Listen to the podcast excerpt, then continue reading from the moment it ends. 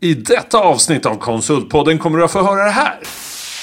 Så fort jag får en kund som jag kan prata med och en del har ju faktiskt ringt och sökt upp mig och då, då, liksom, då går man ju igång och tycker det är jätteroligt.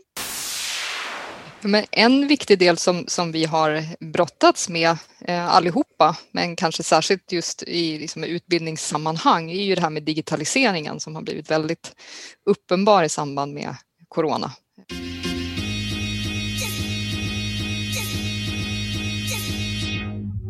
Konsultpodden med Håkan och Mattias från Berotech och Sinode. Äntligen en podd för dig i konsultbranschen. Vi är i en bransch som genomgår stora förändringar och det finns massor att snacka om. Häng med oss! Håkan, välkommen tillbaka. Tack detsamma. Hur står det till med dig idag? Jo, men det tycker jag är bra. Det är, våren kom tidigt här. Ja. Så det var, jag käkade lunch utomhus igår. Mm. Satt och svettades. Altanen ute. Mitt sommarställe, eller vinterställe. Lyx, lyxproblem. Ja. Hur är det med dig då? Du har ju varit Ja. sjuk faktiskt. ja, men jag är en av de där. En, vi, är, vi är många om den där bollen, men coviden tog, ju, tog tag i oss i familjen här nu för snart tre och en halv vecka sedan. Så att direkt efter förra inspelningen så kroknade jag. Som tur är så har jag inte smittat någon på septemberfilm hoppas jag. Och inte dig heller. Men sen dess har det varit lite, rätt stökigt. Men nu är jag på väg tillbaka. Så det känns jätteskönt. Och det är skönt att komma tillbaka ut i, i, när våren dök upp här samtidigt. Så det känns, känns jättebra. Ja, verkligen. Så nu, och idag blir det digitalt, såklart. Ja, så är det då i dessa tider. Och spännande att ha med en eh, god vän och kollega idag. Som vi ska outa om en liten stund. Ja, men vi kan outa direkt tycker jag. Ja, jag tänkte vad vi skulle berätta om vår, de- vår gästen Ja, Jesper som skulle ha dykt upp. Vi hade tänkt att vi skulle ha Jesper idag, men han är också sjuk. Så att, men han kommer. Han Mm. kommer lite senare här under våren, så att, eh, om inte allt för långt. Ja, det är bra. Eh, Så att vi har med oss en annan gäst. Ja. En, en kollega till dig. Ja. En varm vän och kollega. Ja, verkligen. Min, min, eh, mitt alter ego tänkte. Nej, men det är Urban. Min gode vän som jag har känt i, i sjukt många år. Långt innan Berotech startade så jobbade Urban och jag ihop på en Enator. Och eh, sen har våra vägar följts åt i alla dessa år och vi är fortfarande vänner. Eh, det är en underbar kille och jättekul att han vill vara med här idag. Så Varmt eh, välkommen Urban. Gers. Tack så mycket. Du är ute i skärgården. Exakt, jag har mitt coronakontor här ute och det fungerar alldeles utmärkt. Så att det är alldeles utmärkt. här. Urban, du, eh, jag känner ju dig så himla väl. Eh, nästan bättre än dig själv kanske, jag vet inte. Men eh, Urban och jag har ju drivit Berotech i jättemånga år tillsammans och Urban brukar då kalla sig för ordningsmannen i gruppen och jag brukar vara den som är den stökiga. Kan inte du berätta lite grann om dig själv Urban, om det stämmer det där med ordningsmannen och det där? Ja, det börjar ju redan i grundskolan. Ska jag börja där? Eller? Ja, då. Nej, men eh, jag har ju varit i konsultsvängen väldigt länge och har varit lite ordningsman under alla de åren. Så att jag började redan 84 faktiskt. Det var innan vi träffades Håkan. ja. Och företaget Enator eh, som ju sen blev Enator som blev Tieto. just det. Och, eh, så det var, det var med min grogrund och konsultvärlden ham, hamnade jag där och jag har trivts otroligt bra i den världen. Mm. Faktiskt. Vad, vad är det som har gjort att du trivs mycket i konsultvärlden? Eh, ja, det var väl egentligen, jag hade ju ett, ett, en anställning först på Volvo lastvagnar och där jag fick då chansen att jobba med teknik och teknikutveckling. Och sen var vid ett tillfälle så frågade jag liksom vad, ja, men vem är det som är kunden? För vi höll på att diskutera om kraven. Ja, men de behövs inte, sa de. men det var den tiden, det var länge sedan nu. Jag hoppas det har hänt väldigt mycket med det företaget. Jag är övertygad om att det har hänt mycket. Men i alla fall, då tänkte jag nej, här vill jag inte jobba. Och sen så sökte jag mig till konsultvärlden och eh, då hittade jag ett intressant företag som heter Enator. När jag sen fick höra hur att man som intagningskriterien så var man tvungen att sjunga för de andra också. Då slog jag till direkt. Alltså, det var det som gjorde det. Vad sjöng du för något? Eh, Jag sjöng en eh, låt som finns på Uppsala, väl det upp, Uddevalla mål, men jag ska inte sjunga den här tror jag. Vi kan inte lura det alltså. Ja, det var intagnings... Eh, Japp, ja, okej. intagningsriten. Så, så där har jag varit eh, fram till år 2000 då jag startade eget tillsammans med Håkan i Berotech och, till- och mitt egna bolag också. Så där, där har ni lite kort om min historia.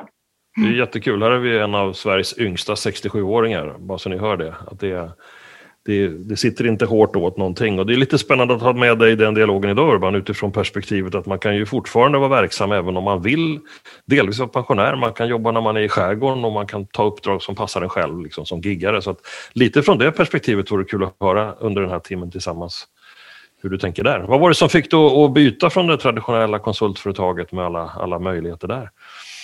Ja, det var ju den här eh, svängen när man... Jag gjorde så kallad karriär på eh, Enator och Tieto Enator. Vilket gjorde att man fick större och större uppgifter och mer och mer att göra men det var hela tiden på företagets villkor. Mm. Och det gick liksom inte riktigt ihop med min familjesituation och min önskan av att få vara mera tillsammans med mina barn. Eh, så jag insåg att det var speciellt i januari, kommer jag ihåg, när jag kom tillbaka från eh, julledigheten så kändes det som hela året var uppplanerat utav någon annan.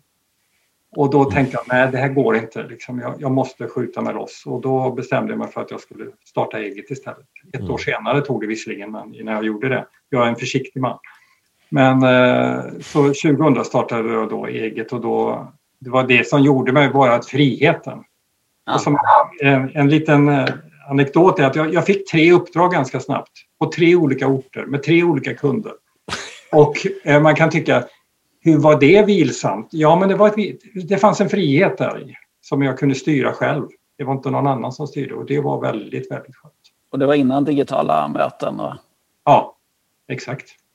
Precis, så ja, det var lite resande till och från men, men oftast bara över dagen eller över, med en övernattning. Så så det... Fri, friheten att kunna bestämma själv, det tror jag är mm. väldigt många ja. som efterfrågar.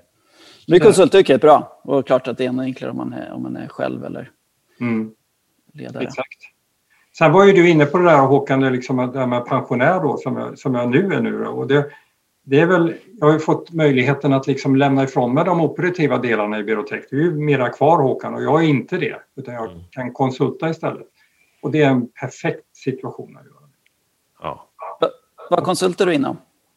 Alltså inom management kan man sätta översta rubriker men framförallt ganska operativ projektledning, stötta vd eller ledningspersoner och liknande i eh, deras verksamhet eh, för att få en mentor.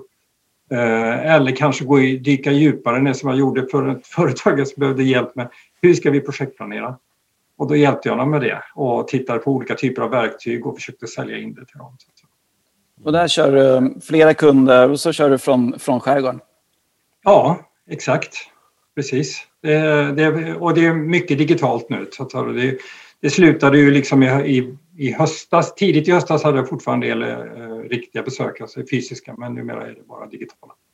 Det kommer väl att ändra på sig, hoppas jag, när sprutan kommer. Här, senare i år. Och vad är det som driver dig, tänkte jag. Nu är du 67, jag tycker inte att det är så, så hög ålder. Men vad är det som driver dig? Du vill ju fortsätta, för det antar jag att du inte kommer sluta. Ja, nej, alltså, det, det, är skönt, det är skönt härligt att konsulta när man är pensionär. För att du har, en, du har en väldigt stor frihet att välja vad jag vill göra och vad jag inte vill göra.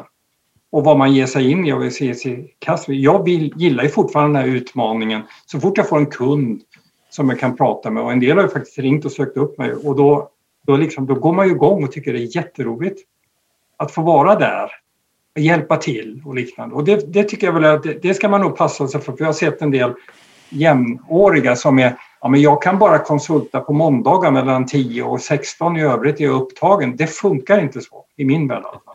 Gör inte det. Man måste gilla och och på något sätt in i kunden och vilja hjälpa till, engagera sig i deras verksamhet, även när man är pensionär. Men man kan välja hur mycket man vill göra. Vad tror du är vinningen? Vad är, det, vad är det största uppsidan med det här? Ja, den största uppsidan är nog eh, egentligen det, alltså att det är kul. Eh, det är klart att det är ekonomiskt eh, lönsamt också men det är kul att göra det. Det är kul att hjälpa andra företag och det är kul att känna sig lite behövd också för den delen. Mm. Hur tycker du att du uppfattas när du kommer ut med din eh, långa, långa härliga erfarenhet? Alltså, hur tas det emot? Um, oftast uh, väldigt bra. Um, man, kan, alltså man har en erfarenhet som gör att man kan ta vissa typer av roller men man ska också vara ödmjuk nog och säga att, att vissa saker som uh, jag kanske inte direkt har jobbat operativt med, till exempel att vara Scrum Master eller liknande i utvecklingssammanhang, då, den, den typen av roll ska jag inte ge mig in i heller utan då är det bättre att det är andra personer som har den erfarenheten. Så det gäller att förstå var, var kan jag tillföra nytta och var ska jag helst kanske inte vara. Mm. Istället för att bara säga att jag kan hjälpa till med allt. Utan man får mejsla ut det som är ens egen lilla kärna. Mm. Den är väl likadan oavsett ålder kan jag tänka mig. Jag som alltid sa ja till allting förr i tiden och ibland gick det åt helvete. Jag, mm. menar, jag skulle behöva haft lite av din ordningsamhet redan där. Så det kanske inte har med åldern att göra, men det är klart att vissa moderna utvecklingsmetoder eller eh, mm. kanske man absolut inte kan då. då. Ja. Ja, nej, nej, precis. Och det, jag, jag, tycker att det, det liksom, det, välj, välj det man, det man, där man känner att man kan bidra med direkt. Så. Och sen så måste man ju se till att vara nyfiken och inte stanna av och leva på gamla kunskaper. Ja, precis. precis. Det är jätte, jätteviktigt. Mm. För att annars så... Nyfikenhet är bra. Mm. Är det många som tyr sig till dig liksom i något form av coachande samtal för att du är liksom en utomstående men också med lång erfarenhet? Händer det att man liksom tar ett stack? Ja, alltså jag får ju den typen av kontakt och jag har den typen av uppdrag idag. Så att säga. Mm. Där, där eh, liksom, alltså vd eller, eller utvecklingschefer och liknande vill ha ett bollplank, ett externt bollplank som inte som man kan dryfta vissa frågor och vissa ledningsfrågor och personalfrågor och utvecklingsfrågor, vad det nu kan vara. Eftersom jag har mixat ganska mycket med att både jobba på konsultbolag men också varit ute i linjechefsroller och liknande. Och på uppdrag hos kunder. Så att jag har ju liksom en erfarenhet därifrån. Och jag tycker det är kul. Jag kan tänka mig att det finns ganska många i ledningsroller idag som skulle vilja ha en Urban bredvid sig. Eller en sån sorts människa som man kan ty sig till. För man är väl rätt ensam där uppe på topparna, va? är det inte? Ni som har varit där. jag har varit där också Håkan, så du kan Nej, okay. nej. Uh, nej, men alltså, det, visst behöver det, vi behöver alla en eh, mentor eller coach eller liknande oavsett roller skulle jag vilja påstå. Mm. Det, det, handlar inte om att man bara för att man råkar vara i toppen så ska man vara någon slags ensam utan det är nog bra att ha ett bollplank utanför verksamheten. Och, och då är det kul om det är någon som tycker det är kul att vara det också. Så att. Sen, sen är en viktig sak eh, som eh, tar hänsyn till att den personen som man då ska stötta i de här sammanhangen måste ju vilja det här och måste förstå att man gör det för deras bästa och inte för att vara någon budbärare åt en styrelseordförande eller eh, VD eller vad det nu är för någonting. Mm. det måste vara äkta och ja. bara för dem. Så att Precis. man kan bli rak i sin kommunikation och man kan eh, känna sig trygg i det. Mm. Det tycker jag är viktigt. Förstås. Jätteklokt. Etik och moral fick du in där på en gång på något sätt, att ja. man är väldigt ärlig där. Det är bra. Ja. Mm. Ty tycker du har förändrats konsultbranschen? Du har ju varit med så länge. Ja, alltså, jag funderade just på det, ehm, hur, hur det var när man började då när, 1984. Liksom, det var ju, de flesta var ju anställda. Idag är det ju betydligt mycket mer egenföretagare och anställda, men man var anställda i sina bolag, man hade en fast månadslön. Det var ganska få som var egenföretagare som eh, gick som underkonsulter. Det är ju helt annorlunda idag. Och så har det också ändrats för att, att det, prisbilden för konsulter har ju ändrat sig högst väsentligt. Då var det lätt att vara expert. Man kunde bara, det räckte nästan med att man sa det. Så, så blev man det och fick betalt för det. Det låter lite hemskt men det, det, det var nästan så. Det, idag så blir man synad på ett helt annat sätt. På ett bra sätt tycker jag. För att det syns tydligt och det är lätt att hitta experter i, via LinkedIn och andra olika plattformar. Via nätverken som finns. Så att, um, det tycker jag är den stora skillnaden, att det har blivit mer seriöst och uh, en bättre, vad ska jag säga, bättre plattform för konsulter och egenföretagare. Mer, mer transparent kanske också ja, på marknaden. Ja, intressant. Vad, vad, vad skulle du ge för tips då, de som också vill fortsätta konsulta fram till efter pensionsåldern? Efter pensionsåldern, inte före alltså? Ja, före också. Före och efter, ska jag säga. Ja. Nej, men det, alltså, eh, det viktiga, konsultmannaskap, om man nu kan kalla det för det. Det är något som jag har utbildat inom då på, jag tog fram en utbildning för eh, en Ator och, och jobbade vidare på TET och Ator ända in på 2000-talet. Tills dess att marginalerna blev så små så de hade inte tid och råd att göra den typen av utbildning. Då tränades alla nya i konsultmannaskap. Och jag skulle vilja säga att alla som vill bli konsulter ska träna sig själv att vara bättre bra konsult. Alltså de sociala eh, kompetenser man har, man utmanar sig i dem lite grann.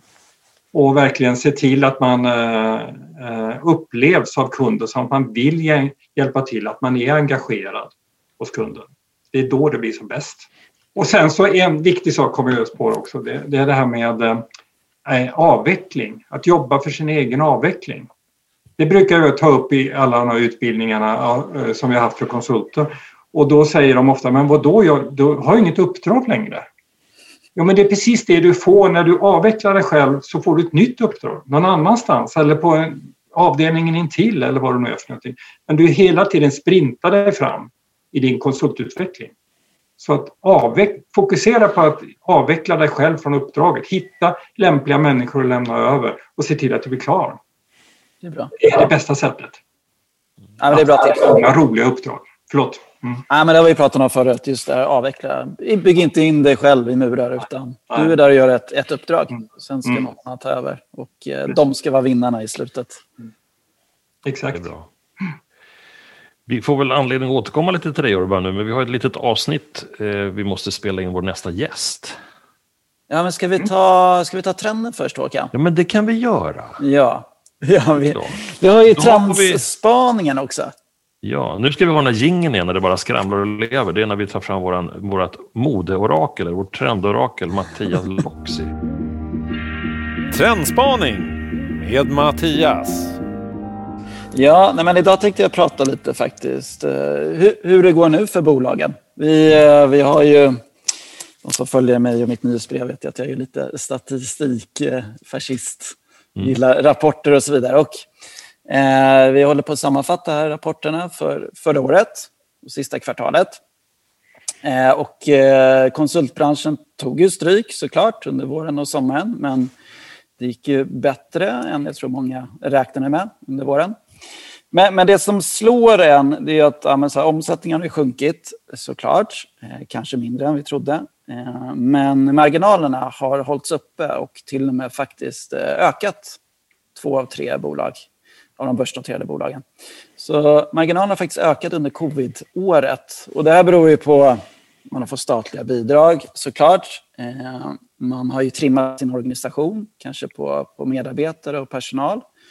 Eh, tyvärr, såklart. Men sen har man ju också dragit in på mycket av det här eh, som, som du nämnde också, Urban, just med utbildning, konferenser, resor, allt det här extra som var utöver utöver uppdragen så att säga. Så att man har ju trimmat upp liksom beläggningsgraden. Och nu har man ju väldigt bra marginaler. Eh, då är ju frågan lite, hur, hur, tror ni det kommer vara liksom nästa år? Vi behöver ju samtidigt de här, allt det här runt om konsultandet mm. om man ska lyckas tror jag. Tror vi att bolagen känner att ja, nu, nu är vi i en ny situation, nu kommer vi jobba så här, vi kommer jobba mycket mer digitalt och mindre utbildningar och kanske ännu mer ansvar för konsulten utanför sin konsultroll. Vad, vad, vad tror ni där Håkan och Urban? Mm. De som är börsnoterade, de har bra marginaler nu men de har ju trimmat ner där och konsulterna kan ju tycka så här, men nu är det covid. Nu är det okej okay att vi drar ner utbildningen och, och såklart. Men, mm. men sen? Ja, ska du börja Håkan eller ska jag börja? Nej, jag tror att eh, du, får, du får ta den här. Ja, jag tar den här bollen då. Jag, jag tror, jag, jag, upplever det redan som att det finns en, en önskan av att få träffas lite mer. Men inte så mycket som det var förut. Man behöver inte ha eh, den täta kontakten utan en del av alltså fysiska mötena, en del av dem kommer att försvinna. Mycket alltså resande till andra delar av Sverige eller utomlands och liknande. Jag tror att det kommer att bli betydligt mindre färre sådana resor och färre tillfällen att göra det på. Men den kommer behövas ändå så att det kommer att öka från nuvarande men inte så mycket. Så att säga. Och samma sak med utbildning, du måste utbilda annars så, så tappar du helt och Du måste få igång den.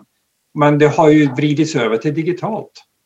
Mm. Det gör ju att du kan bli så otroligt mycket mer effektivt i de, i de sammanhangen. Det, det, förut var det svårt att liksom lokalmässigt få ihop 15 pers. Nu är det inga problem att ta 50 pers istället. Så att jag tror på det. Vad tror du Håkan? Ja, men jag håller med. Alltså, om vi slutar jobba med utveckling av oss själva så tror jag att vi skjuter oss i foten. Och där mm. tror jag konsulterna eller personalen som vi är måste ta ett eget ansvar. Att ska jag vara relevant över tid så måste jag se till att vara det också. Det är inte min chef som bestämmer det. Så där tror jag vi, där kommer ansvaret måste nog finnas närmare den som har behovet. Eh, det tror jag. Sen tror jag att de här festerna eller resorna eller konferenserna som skulle skapa något rikt inre liv för oss som konsulter och bygga samvaro. Det tror jag kommer ske tillsammans med kunder mycket mer. Jag tror man gör grejer i affären, om man nu får kalla det, tillsammans med kunderna mycket mer. Det är effektivt och det är också mycket hållbart tror jag. Att man, gör, man skapar minnen, på, inte, inte annat än att det ska vara konkret och, och, på riktigt, men att man gör grejer mera ihop i affären tillsammans mellan säljare, konsultbolag och kunder. Eh, jag ser inte riktigt framför hur det ska gå till, men jag tror att det kommer bli så mycket mer än att, än att man drar iväg allihopa till Kanarieöarna och har en konferensresa bara för konsulter. Jag tror att man kommer samverka mycket mer. Eh, är den tiden förbi? De här konferensresorna som var så häftiga i konsultbolagen? Ja, det tror jag. Det var ju därför Urban och jag träffades. Vi sågs väl på någon sån här veckovis kurs på Kanarieöarna någon gång för länge sedan, när allt var möjligt. Jag tror att de är borta. Jag tror de är borta. Men det var bra sko skola det där. Men jag, jag tänkte på vad, vad, varför ble, passar man som konsult? Jag var ju reseledare ett antal år. Mm. Det var en väldigt bra skola. Ja, precis.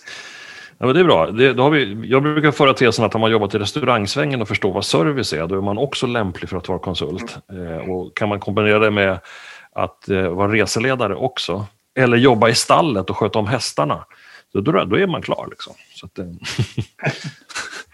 Ja. Härligt. Ja, men jag tycker det ska bli intressant att följa. Jag, jag, jag, jag tror du Urban har en, en, bra spaning där. Just konsultmöten och sånt kanske blir mycket mer digitala och mindre resvägar. Och, eh, mm. Konferenser kanske inte blir lika högt tryck på dem som det var förut. Men vi måste ju fortsätta utbildas. Mm. En annan spaning på din spaning Mattias är väl någon som sa att kunderna är inte dummare än att de ser också att marginalerna ökar. ökar. Vad kommer de göra åt det här? Mm. Alltså om vi lyckas höja marginalen under, en, under världshistoriens största kris så har vi tagit för bra betalt, skulle någon kunna tycka. Så kan de tycka. Så vi får ju se, vi får ju se vad det tar för, för krafter, liksom hur man ska skruva i den änden också. Um, så att vi, vi, kommer ju få hjälp i den här diskussionen tror jag. det är intressant. Ja men så, bra. Jättebra. Den smarta, den smarta företagsledaren kanske inte ska visa allt för bra siffror ett tag nu då. Det är bara ett tips. Jag, jag ska vara tyst. Men ja. Eh, du Håkan, vi ska ja. ju ha konsultlivet med igen såklart. Ja. Och en ny gäst. Det blir jättespännande. Ja.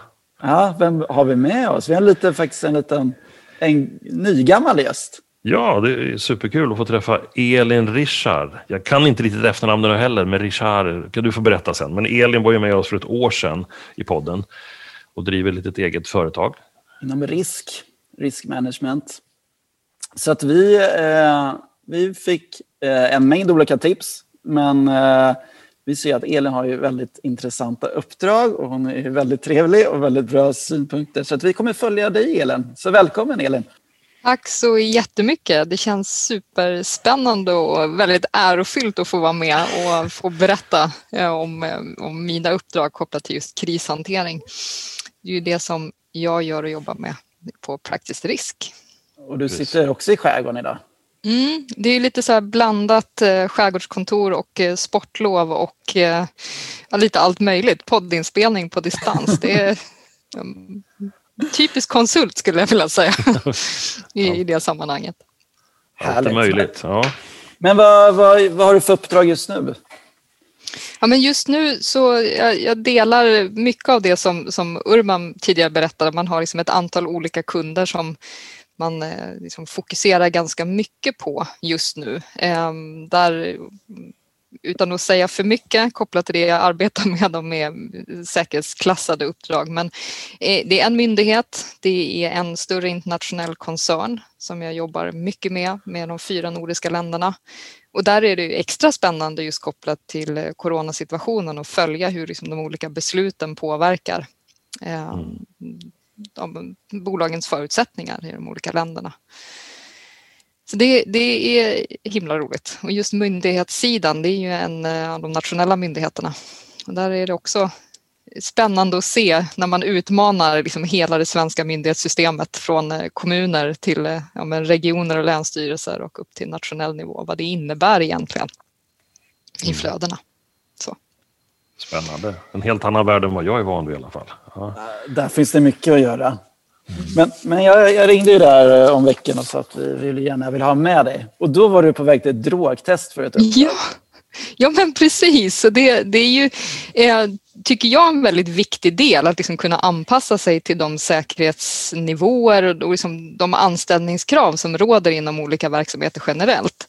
Eh, och eh, i det här fallet då så, ja, men de anställda i det företaget, ja, men de genomgår ganska hårda säkerhetsprövningar och också drogtester. Och då tycker jag att det är självklart som konsult att eh, även jag ska då genomgå det här. Men det är inte det hör inte till vanligheten riktigt att säga, ah, du ska komma hit och hålla en utbildning så därför måste du ta de här testerna först.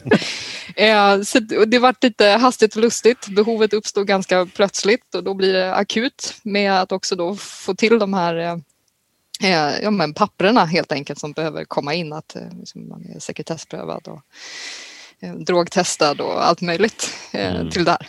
Så det var, det var lite spännande. men, men, var det bara för en utbildning alltså? Ja, det är liksom inledningen på ett uppdrag som, som eh, ska börja då med en utbildning och då behöver det här vara gjort innan eh, vi drar igång. Men där, där jag också när jag pratade med dig tidigare Mattias eh, har, har den andra sidan som anställd och när man då har genomgått den typen av, av prövningar i sin anställning men när företagen tar in konsulter som inte behöver genomgå samma typer av, av mm. prövningar hur fel det kan bli eh, också i liksom förtroendet mellan, mellan då beställande organisation och leverantör. Att, eh... ja, det är bra att de ser det nu i alla fall. Då. Eh, vi gör ju en del uppdrag också där, där man kräver detta. Eh, men det är inte alltid vanligt, men inom försvarsindustrin och, och där och även inom, när vi jobbar en del åt kärnkraftsverksamheten så var man tvungen att göra drogtester också. Så det, det är bra. Mm. Kanske vanligare än man tror. Det. Ja. Men Elin, du kommer hänga med oss nu under våren här, va? Kul! Har du, ja. någon, eh, har du något teman som vi kan försöka följa dig med? Vi hade ju Josefin som varit med och då var det rätt mycket kring graviditet och lämna, lämna vänner och arbetskamrater till ett föräldraskap och oron kring det. Har du något tema du kan kasta in i, i, till oss som du känner är viktigt för dig som vi kan få följa dig med? Men en viktig del som, som vi har brottats med eh, allihopa, men kanske särskilt just i liksom, utbildningssammanhang, är ju det här med digitaliseringen som har blivit väldigt uppenbar i samband med corona. Alltså, mm. Hur styr man om, eh, inte bara liksom, utbildningar som, till digitala forum, utan även liksom, hur hanterar man sekretess i digitala kanaler? Det är ju mm. väldigt utmanande ibland. Men vi kan inte ha det här mötet i Nej. någon av de befintliga plattformarna. Vad, vad, gör vi nu? Hur ska vi göra? Så det är något som jag gärna skulle eh, vilja belysa från lite olika aspekter. Men sen tycker jag även att eh, dagens gäst eh, idag, Urban, och vad det innebär med generationsskiften kopplat till liksom oss som, som konsultleverantörer och tjänsteleverantörer mm. när man byter byter personal så byter man ju även liksom, men, ibland grundfilosofi i, i eh, vissa delar. Och det kan ju vara väldigt utmanande när man har liksom långa, långa kontrakt hos kunder och får ja. en ny, ny motpart. Liksom. Ja, men den är bra. Och det är lite grann det som jag tror både Urban och flera vi pratar om att man ska jobba på sin egen avveckling. Och så är det vissa kunder som säger att man vill helst ha samma person kvar väldigt, väldigt länge.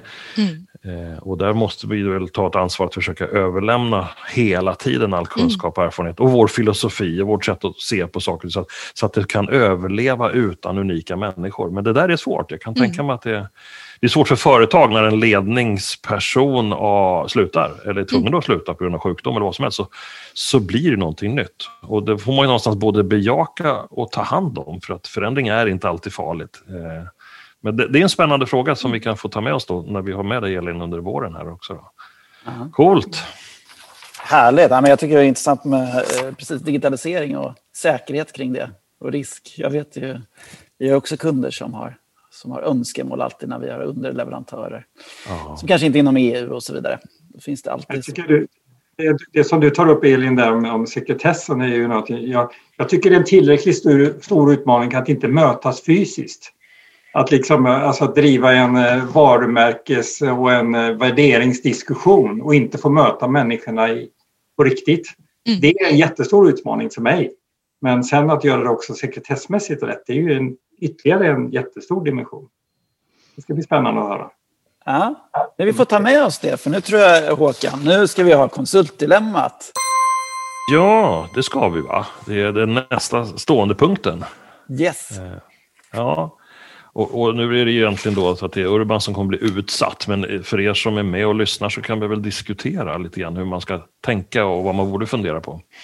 Och, och det är ju så att Urban då, som, han har redan outat det några gånger, att han, du har jobbat ganska mycket med kompetensutveckling, med konsultroller och eh, chefskap och, och, kommunikation kring kundrelationer och allt möjligt. Och, och du, jag har ju fått se dig briljera på, vid katedern rent fysiskt och få människor att bara veva med hela armarna om och tycka att det är helt fantastiskt. Och de här mötena vi har haft med många konsulter både i, på Biotech och på Enator och allting har varit fantastiskt. Så nu kommer det lite dilemma till dig Urban. Okay. Eh, vi, vi, tänker så här att eh, du har ju då återigen skapat ett, ett, ett kursprogram kring, kring konsultmannaskap kan vi säga för, för det företaget du jobbar på nu då, bara för att ta det. Och du har fått okej okay från de som bestämmer att ja, men det här ska vi göra, det ska rullas ut ett, ett, ett schema, alla ska gå den här kursen. Och, och, jag vet ju hur noggrann du är Urban, hur mycket tid läggs det inte ner för att det ska bli optimalt? Och det ska, ja men det blir, det blir professionellt. Det här är inte något man slarvar fram utan det jobbas på det här och det bjuds in och alla anmäler sig och det verkar som att merparten bara jublar och säger ja, äntligen får vi träffa Urban igen och sen så drar det här igång då, första träffen och det ska komma 22 personer första gången. Eh, och strax innan, bara dagarna innan, så börjar fler och fler bara, sorry, sorry, sorry. Nej, det går inte. Jag har min, min kund eller jag kan inte ett nytt uppdrag eller tyvärr, jag måste prioritera annat. Mm. Det skulle kunna vara sant det här. Till och med skulle kunna vara sant. Eh, hur, hur, hur tänker du då? Vad, vad, är det som händer i dig och vad tänker du göra åt det? För det blev inte en fullsatt kurs. Det var, vad tänker du? Vad gör vi? Um, alltså, jag kan börja, vad känner jag? Ja. Besvikelse. Mm. För att man inte ställer upp på det, det man har lovat och bokat och, och inte att man ställer, eh, respektera de som har fixat det här. Mm. Det, det, det, den, den, det är min känsla. Det jag eh, upplever eller det jag förmedlar det är ju liksom att jag förstår att det, att det är på den sikten men i det långa loppet så, så tänker du nog fel säger jag till var och en för jag försöker få en, en personlig relation till dem då för att de ska förstå hur jag känner. Men i grund och botten, om man ska säga så är det ju, man strävar ju hela tiden efter att försöka hitta en någonting som är så intressant så att folk vill inte göra det. De vill komma. Även om det innebär att de måste jobba dubbelt på sitt uppdrag under den, den dagen eller den veckan så är det mm. värt det. Så att eh, det gäller att gå till sig själv och försöka göra sig själv så himla intressant så att den situationen blir så liten som möjligt. För den finns där hela tiden. Så jag har ingen en, en lösning. Jag, jag, jag blir besviken och jag eh, förmedlar eh, en slags förståelse men jag vill förbättra mig själv. För att locka mm. folk. Jag vet inte om jag löser konsultdilemmat ändå. Jag tror att det kommer tillbaka i alla fall. ja, jag tror också Men du ändå, Vad tänker ni andra? Ändå, du tar kontakt med de enskilda. Ja. Det var ett jättebra svar. Ja. Jag, jag vill förstå också. Jag menar, det, är, är det inte tillräckligt intressant det jag har att erbjuda, det, det, det vi ska prata om, det vi ska göra, så måste jag ju förändra det i sådana fall, för då, då tilltalar jag ju inte på rätt sätt. Mm. Vad tänker Elin då, som jobbar med utbildning? Har du, samma, har du varit med om samma dilemma, Elin? i min bransch inom säkerhet så är det ju oftast så att, att när man väl ser behovet av att jobba med det, då har det gått lite för långt. Man, om ni förstår vad jag menar. Då är det liksom, behovet är ganska akut och man sitter och väntar på det här. Så att, eh, samtidigt är det ju så att men, kriser och, och, olika typer av riskutfall och händelser, men det sker ju hela tiden och det kan ju också göra att men, vi måste skjuta på den här utbildningen för vi sitter faktiskt i en skarp situation just nu. Vi har inte tid att jobba förebyggande utan nu jobbar vi hanterande istället. Eh, men att, att, tydligt också kommunicera vikten av att man deltar, att, att eh, så, så att det är liksom bokat innan vad värdena är eh, och att man har en väldigt aktiv dialog med alla deltagare också innan utbildningen. Men nu är det snart dags, nu är det det här. Eh, liksom att det är viktigt att man prioriterar utbildningstillfället för att men eh, jag håller med Urban, det kan vara jättejobbigt att, att känna att man liksom blir bortprioriterad på grund av annat. Eh, och precis som du säger, att då behöver man ju se över vad det är vi ska leverera. Varför finns det andra värden som ses som viktigare av deltagarna än det som man nu har köpt in? Ja, men det är jättebra. Förlåt bara. Jag har en fundering till där Håkan. Ja. Uh, och det var ju liksom egentligen om man, i, om man är på ett uppdrag för att man fyller en plats då blir platsen tom när jag inte är där. Eh, jag tycker inte att den typen av konsultuppdrag är, det, det är, liksom, det, det är bemanning om jag använder det begreppet. Så att säga. Man går in och fyller en plats. Men är man där för att man ska fyll, eh, lösa en uppgift, jobba för sin avveckling, nu är jag tillbaka i det igen, då blir det väldigt tydligt att självklart, jag är på kurs den här dagen eller den här veckan, jag kommer att lösa uppgiften i alla fall. Ja då blir det inte någon diskussion om hos kunden att, man, att platsen råkar vara tom för att man vidareutbildar sig. Nej, precis. Ja, det är bra. Det tror jag är den bästa lösningen på lite längre sikt, att försöka eh, istället då få, få, lösa en uppgift istället. Mm. Sitt uppdrag. Ja, den, den, andra sidan av myntet är ju om, om det här är en sanning och en vardag för oss, då blir det vi inte så himla välutbildade över tid, utan vi fokuserar och är väldigt lojala mot pågående uppdrag hela tiden det får ju konsekvenser. Då kanske det, det, du säger Elin, att då blir ju krismedvetenheten väldigt tydlig när man helt plötsligt är osäljbar om ett tag. Mm. Eh, jag kan också under tiden tycka att varumärket, vi pratar ofta mycket om varumärken, att personer besitter ett eget varumärke. Om man, om man slarvar med det här så måste det också kännas och synas tror jag. Eh, jag, menar, jag kan tänka mig i din uppfattning Urban om de som då inte dök upp har ju, har, du, du, får ju en första bild av dem som kräver lite arbete för att tvätta bort. I viss mån. Och, det gäller att man verkligen ser det också i det här spelet, tänker jag. Och det du kallar för respekt inför de som, andra som har gjort ett jobb. Men jag tycker det verkar synd om, om du måste ständigt på något sätt överträffa och överleverera för att någon ens ska vilja komma. Eh, Ja. Det, det, kan ju bli farligt i sig, tänker jag. Ja, fast samt, samtidigt så är det ju liksom vad, vad, är det jag har, det, det, det, vad är det jag har att leverera? Det ska ju vara tillräckligt intressant så att det liksom fyller någon mm. form av funktion. Ja, men absolut. Och då tycker jag det som Elin säger, där med att verkligen ha en dialog innan. Ungefär som när man ska, man ska jobba med, om man ska rekrytera människor så ska man jobba mycket med, med varumärket kring alltså, employee branding och sen så ska man ha onboarding-processer när man väl bör. Det måste vara preboarding också. Alltså man måste ju prata med den här kandidaten långt innan de faktiskt ska börja, flera månader innan och peppa upp dem. Det kanske ska vara preboarding även för dina kurser eller våra kurser. Mm. Att man skickar över material, och frågeställningar och dialog långt innan. Ja.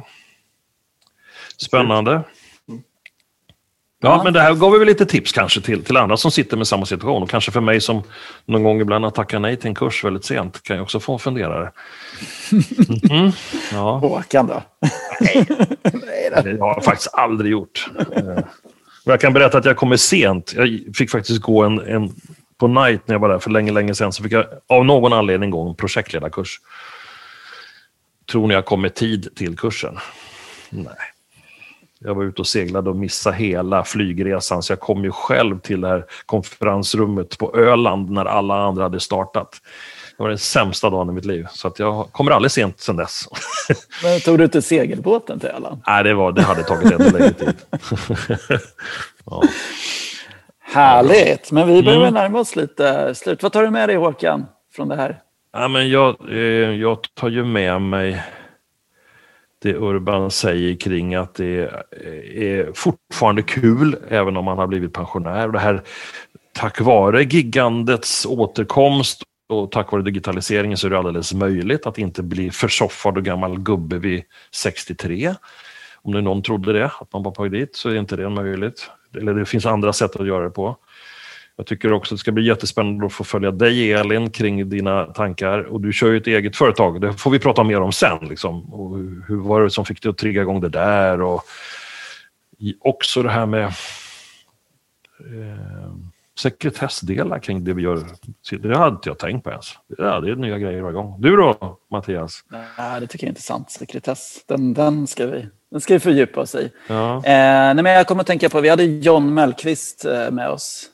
Ja. kanske var något år sedan eller något. Men eh, vi är ju lite åldersdiskriminerande i Sverige. Vi hoppas att vi, vi, vi börjar läsa det, lösa det. Mm. Och han mm. nämner ju att man, folk i, i Urbans eh, årsrik som Urban eh, har ju väldigt mycket mer energi och inga småbarn som jag har och svårt att sova och så vidare utan och kommer med erfarenhet. Och, eh, jag tänker att du, du behöver inte känna att du måste du vill klart göra ett bra jobb men du behöver liksom inte vara att du bevisar dig själv. Du har redan bevisat dig själv. Tänker jag, så att du går in med mycket mer säkerhet och så vidare. Så det finns så mycket kompetens att ta där. Och jag tror, eh, sitta på soffan och vara pensionär tror jag inte är så roligt heller. Utan då är konsultrollen den, den bästa. Just när man kan kanske välja att vraka lite sin egen tid också. Ha lite mm. mer frihet. Verkligen, verkligen. Man, man har ju lite eh, fördel om man har jobbat som konsult tidigare i livet. Då är man van med att hantera den typen av situationer. Så att mm. eh, jag tror att om, om, man har, om man sitter på ett, ett, ett företag under många år i en linjechefsroll och sen så går man i pension, då kan det vara svårare att ställa om till konsultvärlden. Ja. Det tror jag också. Bör, börja inte för sent skulle jag vilja råda. Mm. Om man kan det. Bra tips. Ja, men det är ett jättebra tips att för, er, för oss som vill fortsätta och göra karriär efter pensionsåldern har inträffat så kan man ju kanske konsulta lite innan den tiden uppstår så man kan lära sig det hantverket då med konsultmannaskapet och mm. osäkerheten mellan jobb och nya utmaningar ofta och sådär. Det är jättebra. Och Elin, tar du med dig någonting här första avsnittet igen? Du har redan varit med men nu är du med på ett annat sätt. Jag fastnade jättemycket för ordet konsultmannaskap. Eh, det kändes det är någonting som är jätteviktigt för oss och just det att man avvecklar sig själv. Alltså det ska inte behövas en extern kompetens utan det är ju det vi egentligen är där för att liksom överbrygga. Eh, och sen så blir det ju ett aktivt val hos, hos kunderna om man mm. liksom vill låta den kompetensen ligga kvar externt eller liksom väva in den i sitt eget. Men, men just att se det som, som, man pratar affärsmannaskap när vi bygger bolag, men att vara mm. ännu tydligare med just konsultmannaskapet och kanske också vara tydlig med mot våra kunder vad det innebär att, att ta in en konsult. Så. Ibland känns det som att man, man, man tror att man köper sig en lösning på ett problem Mm. Och till viss del är väl det sant, men man köper sig också en relation. Liksom och vilka krav ställer man på den relationen mm. ja, som kund? Det är, inte ja, det är jättebra. Jag tycker varje konsultinsats ska ha till mål att det ska bli lite bättre än innan man var där. Mm. Inte bara att man fyllde hålet utan att mm. man levererade någonting mervärde så att man kan på något sätt eh, lämna det där med stolthet. Mm. Ehm, och det är något vi, vi behöver som leverantörer ställa krav på våra kunder tror jag. Att, att eh, så som Urban alltid säger, okej, okay, jag ska få vara här ett tag nu, men vem är det jag ska lämna det här till sen? Mm. Vem är det som ser till att det här lever efter att jag har lämnat? Bara ställa de två frågorna gör att kunden bara ojsan, jag trodde jag hade hyrt dig. Mm. Ja, du har hyrt min kunskap, se till att använda den smart nu. Mm. och det, ju äldre man blir, desto lättare att dela med sig av kunskap snarare än att som ung konsult behöva ha och få kunskap för att kunna göra jobbet. Så att använd, ja, men jag tror det finns mycket att hämta där. Bra, då fick vi in kundperspektivet och nästa gång så har vi faktiskt med oss en kund. Ja. Om allting går bra. ja, om inte sjukdomarna tar över. Så vi gjorde en shout-out här innan jul och även direkt efter att vi ville ha eh, ett kundperspektiv med i Konsultpodden. Och nu får vi det igen. Det ska bli jättekul att få prata med Lisa Lindstrand som jobbar på Sectra Communication AB i Linköping. Och hon köper in konsulter dagligdags. Det eh, ska bli kul att se hur hon ser på att vara... Vi kanske kan ställa den frågan till henne då, Elin. Hur, hur, hur, hur ser du till att dra nytta av det här, det här inköpet av konsult nu? Så att ni inte behöver oss längre. Det kan ju vara en bra tips. En frågeställning kanske. En jättespännande frågeställning. Mm. Ja, precis. Superbra. Och med sista, eh, sista frågan till Urban. Har du, har du någon plan hur länge du ska konsulta? Eller, nu kör vi på bara tills du, tills du känner att det, det är tråkigt. Ja, alltså. Ehm, jag, har, jag, jag har att göra. Jag driver ett skärgårdsnätverk med, för fiber här ute i skärgården. Eh, fy, jag räknade ut att det var 45 mil kablar vi har lagt ut här ute. Så att det, det, jag har att göra massa runt omkring jobb och liknande frivilligt jobb och jag tror att eh, så länge jag tycker det är kul så kommer jag fortsätta och sen kommer jag trappa ner i den takt jag tycker att det är vettigt och det kommer nog bli automatiskt. Så småningom, man inte orkar längre eller vad det nu är för någonting. Men just nu så är det, finns det fullt upp med energi tycker jag.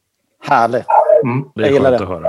Mm. Bra Urban, du får inte lägga ner än. Nej, Nej. det är bra. jag ser fram emot att få åka skidor igen. Det saknar jag. Mm. Det finns inte så mycket snö här ute på Nej, nu är våren här ju. Ja. Hörrni, stort tack för att alla var med. Jag är så glad att vi kör det här fortsättningsvis. Och Elin, jättevälkommen att vara vår huvudgäst hela tiden. Superskoj. Och tack jättemycket Urban för din klokskap, inte bara idag utan med mig i över 25 år. Fantastiskt. Tänk att ha en sån här gubbe bredvid sig. Ja? Det är inget svårt då. Tack för att jag fick vara med, stort tack! Hej då! Hej då! Det där var Konsultpodden nummer 46. Du har hört Håkan Mild Svensson från Berotech och Mattias Loxi från Synode. Medverkade gjorde även Urban Gers, konsult på Berotech, och Elin Rickards från Practice Risk AB. Det är producerat på Septemberfilm. Tack för att du har lyssnat!